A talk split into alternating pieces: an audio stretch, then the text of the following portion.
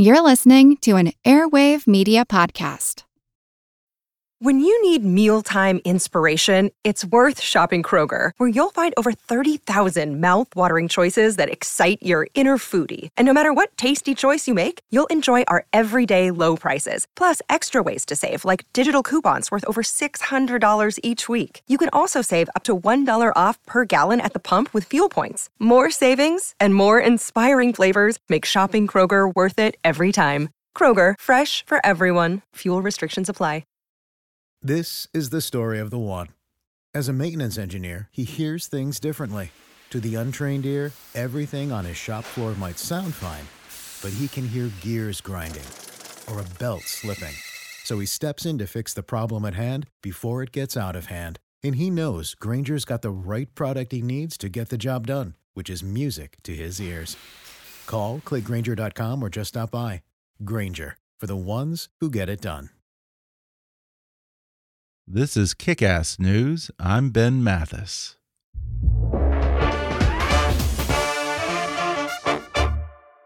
Today's episode is brought to you by Kronos. Kronos provides HR solutions for the modern workforce and the people who support, motivate, and engage them. They put HR, payroll, talent, and timekeeping on a single cloud based platform. Learn more about Kronos HR, payroll, talent, and time at kronos.com slash HR swagger. That's kronos.com slash HR swagger. Folks, you already know how much I enjoy a good cigar. I think it's one of the simple pleasures in life. But sometimes choosing a good cigar can be a little overwhelming. There are just so many brands and types of cigars out there. How do I know the difference between a torpedo and a corona? Are Cuban cigars really all they're cracked up to be, or is it all hype? That's why my indispensable resource for cigar information is Puro Trader. Puro Trader is like one of those travel sites that searches the web for the best deals, except instead of flights, you're searching for cigars. From everyday cigars for the casual smoker to the rare sticks for collectors. It's all in a community setting where you can ask questions and read real reviews. Visit PuroTrader.com and use the promo code NEWS for a chance to win a day at the Porsche Racing Experience in Los Angeles or Atlanta. That's PuroTrader, P U R O T R A D E R dot com, code NEWS. And now, on with the show. Hi, I'm Ben Mathis. Welcome to Kick Ass News.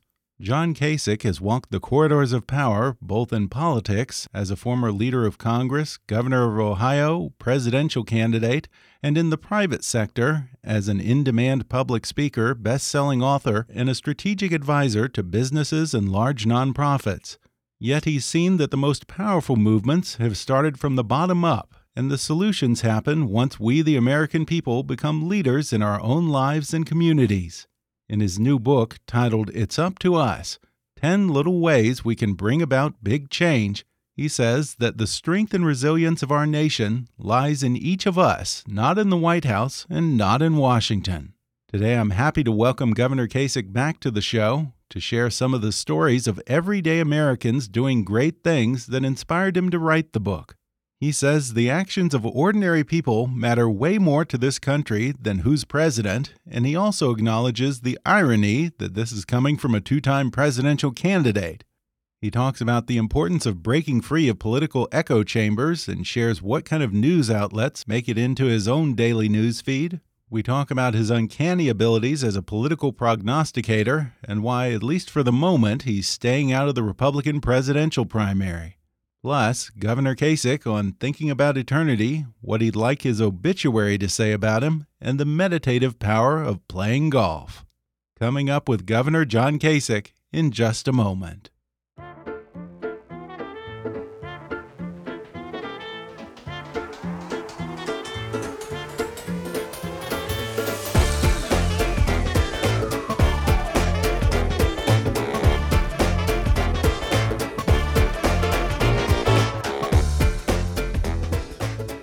John Kasich is the former governor of Ohio and a former U.S. presidential candidate. As a U.S. congressman, he served for 18 years on the Armed Services Committee and was chairman of the House Budget Committee the last time the budget was balanced. He's also had a successful career as an investment banker, as host of Heartland with John Kasich on Fox News, and now as a senior political commentator on CNN. He's also the author of four New York Times bestsellers, and now he's out with his latest titled It's Up to Us 10 Little Ways We Can Bring About Big Change. Governor John Kasich, welcome back to the show. Thank you, Ben. Well, Governor Kasich, it's great to talk with you again, and I really enjoyed It's Up to Us. It's full of the kind of common sense wisdom that we've come to expect from you.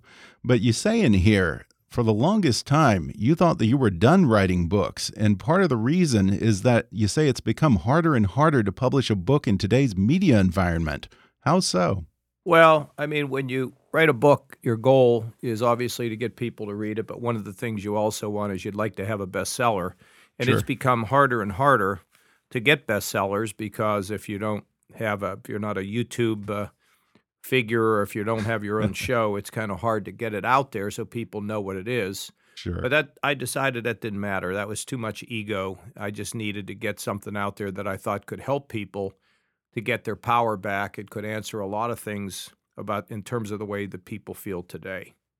I understand that it was uh, an encounter with two different people on the same day that inspired you to write this book. Yeah, there was a, a gentleman who's uh, has a uh, an aunt who went through a, ter- a horrible situation where her son was murdered, and it was about how she dug down deep to fight off hatred and anger, and because she saw it growing in her nephews, and uh, it's about the good that has come out of that, as horrible as that was. The wonderful things she's done in the community to prevent other people from getting into the gang world and being in a position where uh, you know they're they're out there and not living a life that they were meant to live. And then I ran into another guy who, um, a Miracle Field. This was somebody who we have uh, really healthy children helping those who have disabilities. And this happened like back to back, and I thought, God, I gotta, I gotta write about this. I, this is, a, it's clear that I'm meant to do something around these, along these lines. Yeah, the book is full of great stories of just everyday Americans doing great stuff. And I want to read a quote from the book that sort of encapsulates the central idea of It's Up to Us. You say, quote, we, meaning the American people, matter more than who sits in the White House. Focus less on the presidential race and more on change where you live. Governor, as someone who campaigned pretty hard for president, not just once, but twice, surely you must realize that there's a certain amount of irony in that statement, right? Well, look, I, I think the presidential races are very important, and who is president is very, very important. And we see it more today than in some ways than we have in a very long time. The issues of immigration, the issues of uh, of growing debt, the issue. I mean, all these things matter, and the tone presidents set that, uh, and it does matter who we are for for president. But I also think that we just shouldn't wait around for a presidential campaign and expect all these things to, to happen. And I believe that change really comes from the bottom up, from where we live to the top, not from the top down. That doesn't mean that there aren't leaders who can bring about big change, but most of the time, change comes because what we're really doing is we, the people in the neighborhoods, in a community, are telling people this is what we want. Our elected representatives change the law, but we also don't need to change our country by passing a bunch of laws. We can also change our country, our culture by what we do individually where we live. I wonder, do you think that part of the problem is that too many Americans think that their civic duty is just limited to stepping into a voting booth every four, or if they're really engaged, two years? I, I think that it's a very important thing for them to do. Sure. But to me, it's not enough because we're all made special. We're all made for a purpose. And to me, we have to figure out what it was that we were created to do Mhm. and get out and do it and live a life a little bigger than ourselves. And this is a handbook that tells people how to do it. There's some stories of amazing big events, but there's also some stories in here that are not as big. But I don't like to compare one to another because I think they all matter. And I think a mm-hmm. lot of people feel like, well, how can I be a change agent? I'm not I'm not an important person. I'm not that big. Well, you are, and you do matter. And the way you think, way you handle yourself, the way you reach out to others makes all the difference in the world. Mm-hmm. You say in here that people should know that they are made special, and you also encourage them to become activists and get engaged uh, to start movements. Do you think part of the sourness and anger that we see in people right now lashing out is because they don't feel special? Maybe they feel marginalized and ignored by Washington. Well, maybe they feel like they're victims, mm -hmm. uh, and not just by Washington. You know, their their pay is not great. Um, their health care costs have gone through the roof. Uh, maybe they've lost their job. Uh, I try to warn people not to become victims, but to mm -hmm. be mm-hmm. resilient. I think that's important in life, and and I also think that people are are can be at times quick to dismiss the things that they do in the world that they live in, thinking, well, it really doesn't matter. And I think that's absolutely false because when you do something that you might consider small, you're changing the world for somebody else and maybe even for yourself. And so, you know, you, you've got special things you should do. Think about it, slow down, and uh, get out of your silo mm-hmm. and and go forward and and do some good. And it'll make you feel good about what you're doing. This is just not a one way street. Mm-hmm. And you say resilience means changing with the times. Do you think too many people who feel left behind are blaming globalism or trade, shifting yeah, demographics do. I do. these days? I think I think yeah. it's an issue, but don't become a victim because when you're a victim, you've lost your personal power. Mm-hmm. And life is short, and you don't want to spend a big chunk of your life saying, "Oh, I have no power.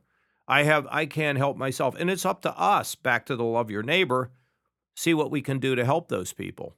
We mm-hmm. don't want to let them be in a ditch and be there forever. We want to help them get out of the ditch, and they've got to be interested and willing to put a foot forward so they can uh, step up and uh, recognize the the value of their lives, which because mm. everybody has value. No, everyone is made special. So think about that. You're special. Those who are listening, you're special. What makes you special? What makes you different? And what are you supposed to do with it? I guarantee you, if you start doing things on that basis, you're going to feel great.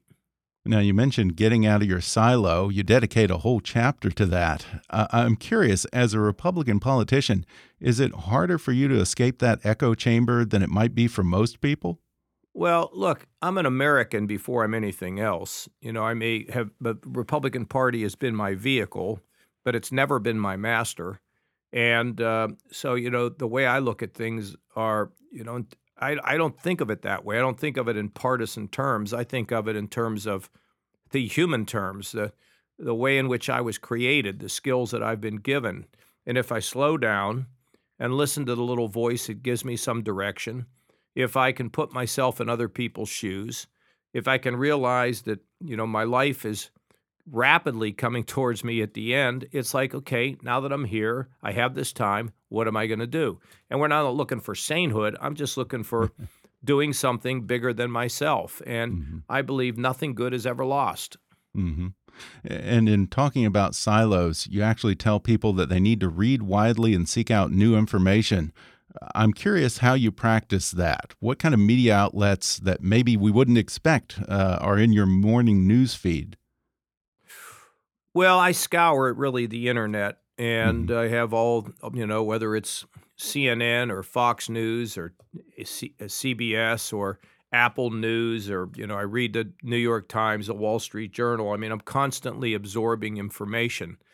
And just yesterday, I was um, on the train coming back from Washington, and I wrote a, I read a few stories that you know I really wasn't all that interested in, but I read them anyway and they seem now pretty interesting. The use of robots to be to replace tennis tennis officials. I thought, well, that's that's pretty interesting and something I could talk to my tennis friends about.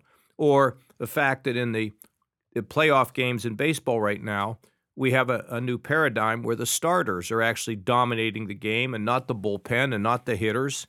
And I found that pretty interesting. Mm-hmm. And of mm-hmm. course, I read, uh, I was an avid reader of the gentleman who ran a marathon in one hour, 59 minutes, and 50 seconds, and how he did it, and what were the limitations, and what are the arguments about what he did. All, you know, stuff that's not critical to me, but things uh, that are I, I mm-hmm. find interesting because I force myself to read some of these things that I would normally gloss over. To go back to that article about robots in tennis, I have to think that as former governor of a big manufacturing state, artificial intelligence and automation probably weighs pretty heavily on your mind. Do you give a lot of thought to how that might impact Ohio, the whole nation, heck, the whole world? Oh, yeah. I mean, workforce changes are absolutely critical. In Ohio, when I was there, I was trying to make it less dependent on manufacturing and trying to diversify what made Ohio what makes Ohio run and that includes uh, the development of new technologies. I want Ohio to be, you know, an an idea, a thought state, a uh, a place where new ideas come, rather than just making things. And that's great to make things. That's important to us, but there are other ways in which we can help develop our economy in Ohio, and we did just that. Well, getting back to the book, you make a case in here that we can get more involved in our local issues because we can rely on the Supreme Court and Congress to keep the president in check. Governor, maybe that's how it worked when you were in Congress, but I have to push back on that a little bit because I really question whether that's still the case. Presidential power has been expanding for more than a century now, and particularly for the past three years, it seems like Republicans in Congress have just deferred to Trump on every issue as if Congress is just a subsidiary of the executive now. Do you still feel that our checks and balances are working? Well, of course, the House is Democrat, so that's a check right. in and of itself. And the courts are a check. If you take a look at a lot of the things that Donald Trump wanted to do, they've been blocked by the courts. Mm -hmm. So, what I try to say is that there is no one entity that has all the power. The executive is checked by the Congress. The executive is checked by the courts. The Congress is checked by the courts. I mean, that's kind of the way it works. And in your first chapter on starting a movement, you actually say social change doesn't come from politicians. The people tell them what they want to happen. And certainly, when we look at all the great social movements of the past century, it's usually come from the bottom up. And especially today, I wonder, it seems like fewer and fewer politicians in Washington are brave enough to rely on their own conscience maybe the people would be doing them a favor by telling them what to do. Yeah, I think that's right. I think people are hesitant to tell people in power what they ought to do mm-hmm. uh, because they just feel like, well, what's that's not my place.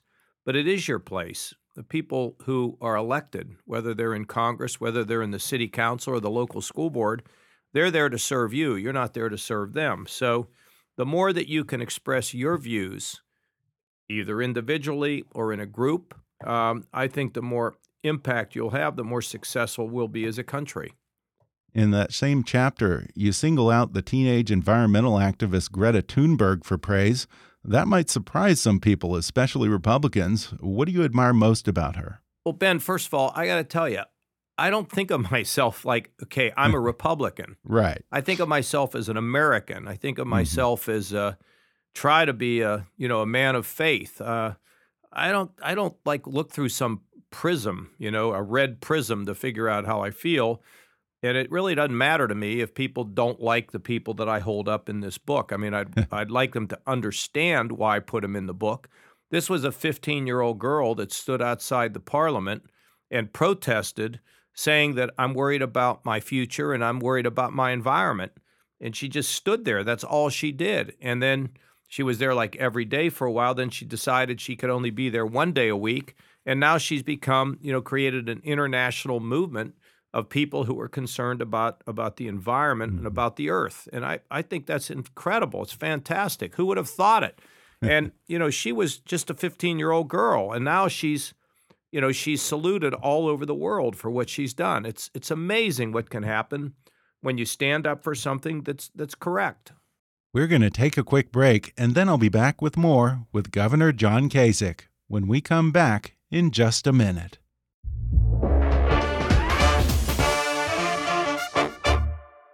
I've had a lot of scientists and doctors on this podcast, and one thing they all agree on is the importance of sleep to your overall health and longevity. If you're struggling to get a good night's sleep, you've got to try Purple Mattress. The purple mattress will probably feel different than anything you've ever experienced because it uses this brand new material that was developed by actual rocket scientists. It's not like the memory foam you're used to. The purple mattress is both firm and soft at the same time, so it keeps everything supported while still feeling really comfortable. Plus, it's breathable, so it sleeps cool. Try it for 100 nights risk free, and if you're not completely satisfied, you can return your mattress for a full refund. It's backed by a 10 year warranty, plus, you get free shipping and returns. You're going to love Purple. And right now, you'll get a free purple pillow with the purchase of a mattress. That's in addition to the great free gifts they're offering site wide. Just text KICK to 84888. The only way to get this free pillow is to text KICK to 84888. That's KICK, K I C K, to 84888. Message and data rates may apply. Life is full of choices, and Belkin offers a variety of tech solutions that keep you connected to your world so you never miss a beat. Between Belkin cables, screen protectors, and wireless charging docks, Belkin is the go to brand for keeping your smartphone ready to go at any time. Belkin cables are built to last and supported with a five year warranty. So if you feel like you're constantly buying new chargers because they break or burn out, we've all been there, you should switch to Belkin. And with all of our personal information that's stored on them, you can also get a Belkin Privacy screen protector to reclaim your privacy. Belkin's wireless charging stands and docks work with multiple smartphones and prop your phone up so you can keep watching videos while charging. I've been using Belkin products for a long time now. I have multiple Belkin wires and chargers I've been using for years. I drop them, I roll over them with my desk chair. I really do abuse them, and they still have not let me down once. That's why I'm such a loyal Belkin customer. Better performance, better durability, better quality, better with Belkin. Go to Belkin.com and use promo code KICKASS at checkout for a 30% discount. This offer is good until the end of January, so go now to Belkin.com and use code KICKASS for 30% off. And now, back to the show. Governor Kasich, I have to tell you, when I talk to Democrats, you come up all the time as the one Republican that they'd actually consider voting for right now. And I'll be honest, I don't think that it's just a case of you're the least objectionable person on the right. They genuinely seem to like you. Why do you think that is? Well, it's very nice that people say that about me. I'm grateful for it. Um, I think probably that's why. Um, I've never, I've never, never governed as a governor who was, you know, Republican first. I was an Ohioan. I tried to carry out my responsibilities in Washington, um, you know, right down the middle on the political parties.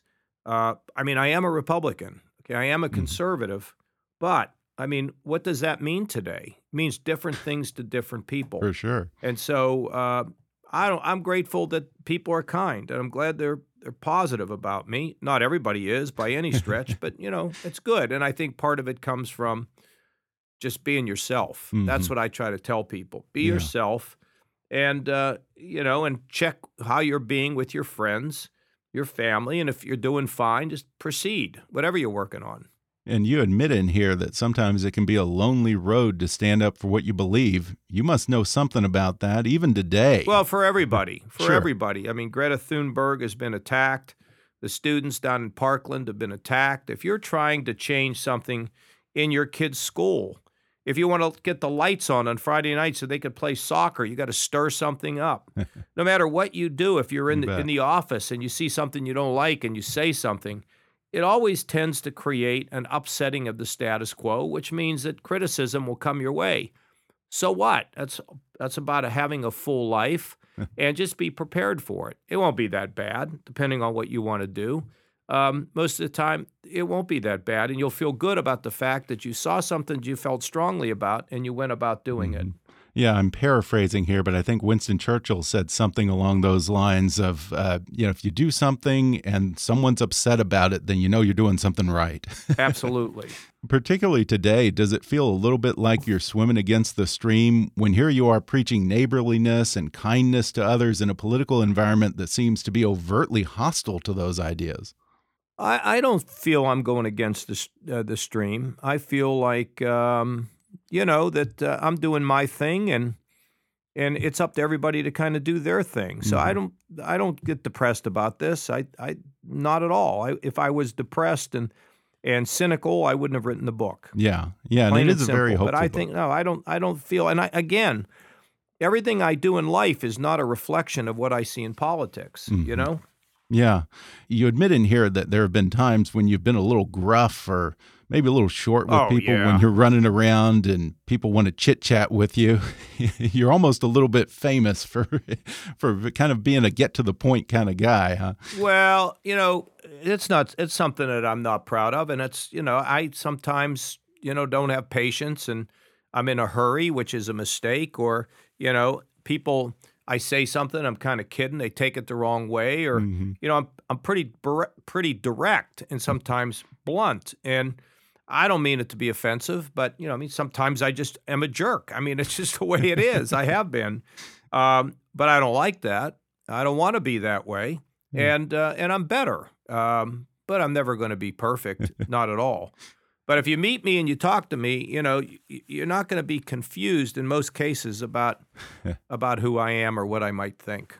And then sometimes I have to think that it must be the demands of the job. I mean, it, it has to distract from the things that are important, or sometimes the no, kind of personal I think it's true with everybody. You know, Really? you ever notice when you're you're walking through your business or whatever, and you're with other people, and you say to them, "How you doing?" and you never hear their answer. I mean, Right. this is this is everybody. There's not not any any person. Look, to whom much is given, much is expected. So Mm-hmm. to say, okay, well, I'm busy or I'm important, and therefore I don't have time. That's just that's terrible Yeah.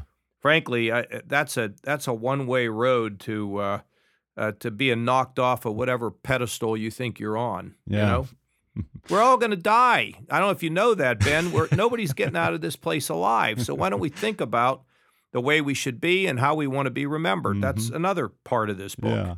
Uh, looking back at your political career, would you have considered yourself a workaholic?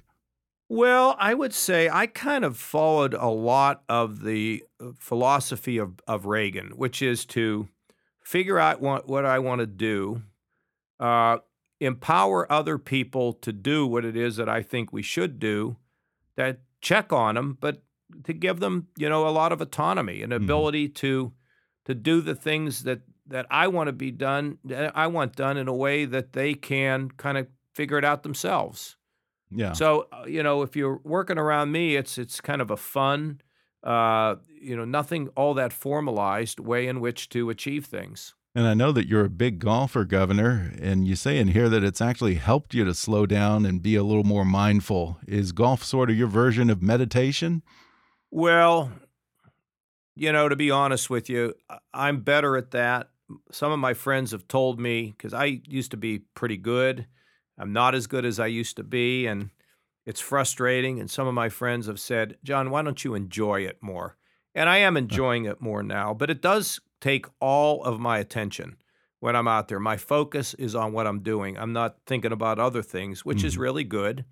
But exercise does it for me. Swimming does it, and um, and uh, praying. All those things can help me to slow down and enjoy things a little bit more and not be in such a hurry. Yeah, I have to say, golf has only frustrated me every time I've played. So- It is not made for anyone, everyone, and if you Yeah. haven't taken it up, I'd advise you not to start now. Yeah, yeah, that's probably true. Yeah, I mean, President Trump has spent uh, something like 150 days on the golf course since taking office, and he seems to always be angry and wound up. Is he doing it wrong or what? I'm not going to criticize a president wants to play golf. You never know. yeah. Uh, well, at one point in the book, uh, you express frustration with those who, when they look at the political debates these days, just throw up their hands and say, and I hear this a lot, I just don't know what to believe. Do you think that's lazy thinking? No, I think it's confusing because there's so much material going around. And so, if you really want to know what's going on, sample a lot of things like a smorgasbord and use your good brain to figure out what you believe is true and what you think isn't. Mhm. But you can't say, okay, well, I'm not sure, so I ought to stop paying attention. No, I don't think it's that at all. I think they're bombarded with information. Human beings want to know the truth, and a lot of times the same story is presented in very compellingly different ways. So you just kind of read through the lines and don't make up your mind and don't tweet everything you see. hmm Part of the thing that people need to do more of is just simply try to put themselves in other people's shoes. You talk about that as well. And you have one Yes. example in here of a judge who started something called the Catch Court. What is that? Well, that was a case where, you know, human traffic victims, and these were women who had been put out into the streets, kept coming to court, and was the same thing over and over again prostitution, drug use. He finally figured out that these were people who had been who had been put into you know made you know modern day slaves Wow. and so he started a way in which they could get their lives back. And it's been very successful. My wife has been very involved in lending support to that. The judge is an incredible guy to have done something like that. And, um, you know, it's something like that. But let me also say, you know, when you think about, well, like immigrants, you know, people are like, we don't need all those people. Wait- a minute. What if they were in trouble? What if you were them? Mhm. What if you weren't born in the United States? What if you had children who were at risk as to where you were living? What would you do? Or, you know, here you are, you're you're poor, you're a single mom with some kids, your husband left you. You need some help. You need some food stamps. You need some help to get through this period of time. Put yourself in their shoes. Think about what their lives are like. You know, that's what brings about uh, that's what that's what brings about compassion Mhm. when you can think about other people. You know, as, as I look at at some of the things that happen in the world, uh, the poverty, the wars. I mean, thank God we live here in America, and there are people who live in America who are just really having such a time, a hard time with their lives. Yeah. Instead of being so, too judgmental, and that doesn't mean you can't have an opinion, but in, instead of jumping to the conclusion, think about who they are and what they're going through. Because I believe most people have good hearts uh, and they can understand. Uh, you know, we need to be patient. Yeah, do we have to have people responsible? Of course we do. But that doesn't mean it's it's just one way or the other. Sometimes it's it's complicated. And I suppose all of this might fall under the heading of love thy neighbor. What's your favorite example in here of someone loving their neighbor or doing some simple kindness for someone else? Well, how about that? How about that story of of Chuck E. Cheese, where Yeah. uh, you know the, the the autistic boy would go every week, and he would he would see Chuck E. Cheese, and he got there late, and Chuck E. Cheese was gone, and it was going to be a bad situation, and a young lady working at the place went and put on the Chuck E. Cheese costume and went out and made the kid feel good.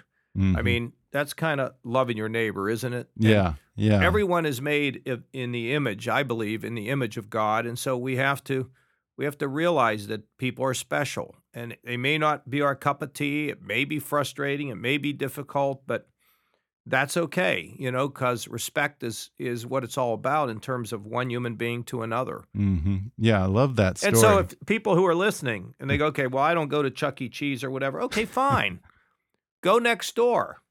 Ask the lady who lost her husband hey what can i do for you? Can i help you out a little bit? How Mhm. you doing? How you feeling? You know um just slow down a little bit. Talk to other people. See see what's up with them love your neighbor as you want your neighbor to love you Well, I believe you say that you wrote this book in the spring of this year. And in here, you predicted that when the book is published, you say, by this point, the president will have said or done something to leave Democrats calling for his ouster and Republicans reiterating their unflagging support. Governor, you could you know not have been more spot on. that i said that but you know that's kind of where we are Yeah. unfortunately Are you the least Yeah. bit surprised by what's going on right now?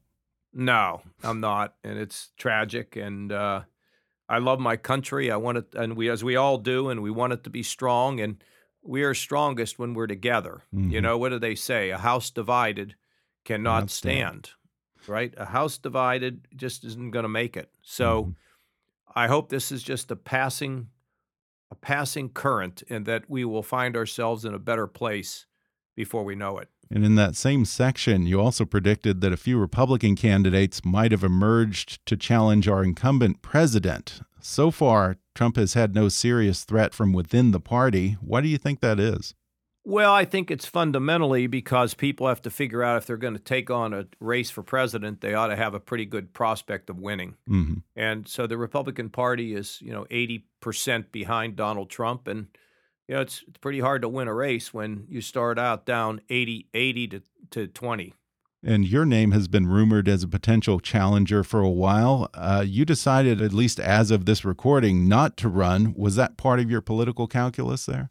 Well, I'm not going to run for something if I can't win, and mm -hmm. you mm-hmm. know, it's still, I still haven't made any final determination or any announcement. Okay. So we're just going to have to see. Well, let me ask you this: even if the cards are stacked against you, might you not see some value in going on the record right now as the Republican who stood up and challenged President Trump when no other Republican no, would? No, I'm on record now. I, I work in media at CNN. I write books. I'm going to be doing a podcast. I make speeches all over.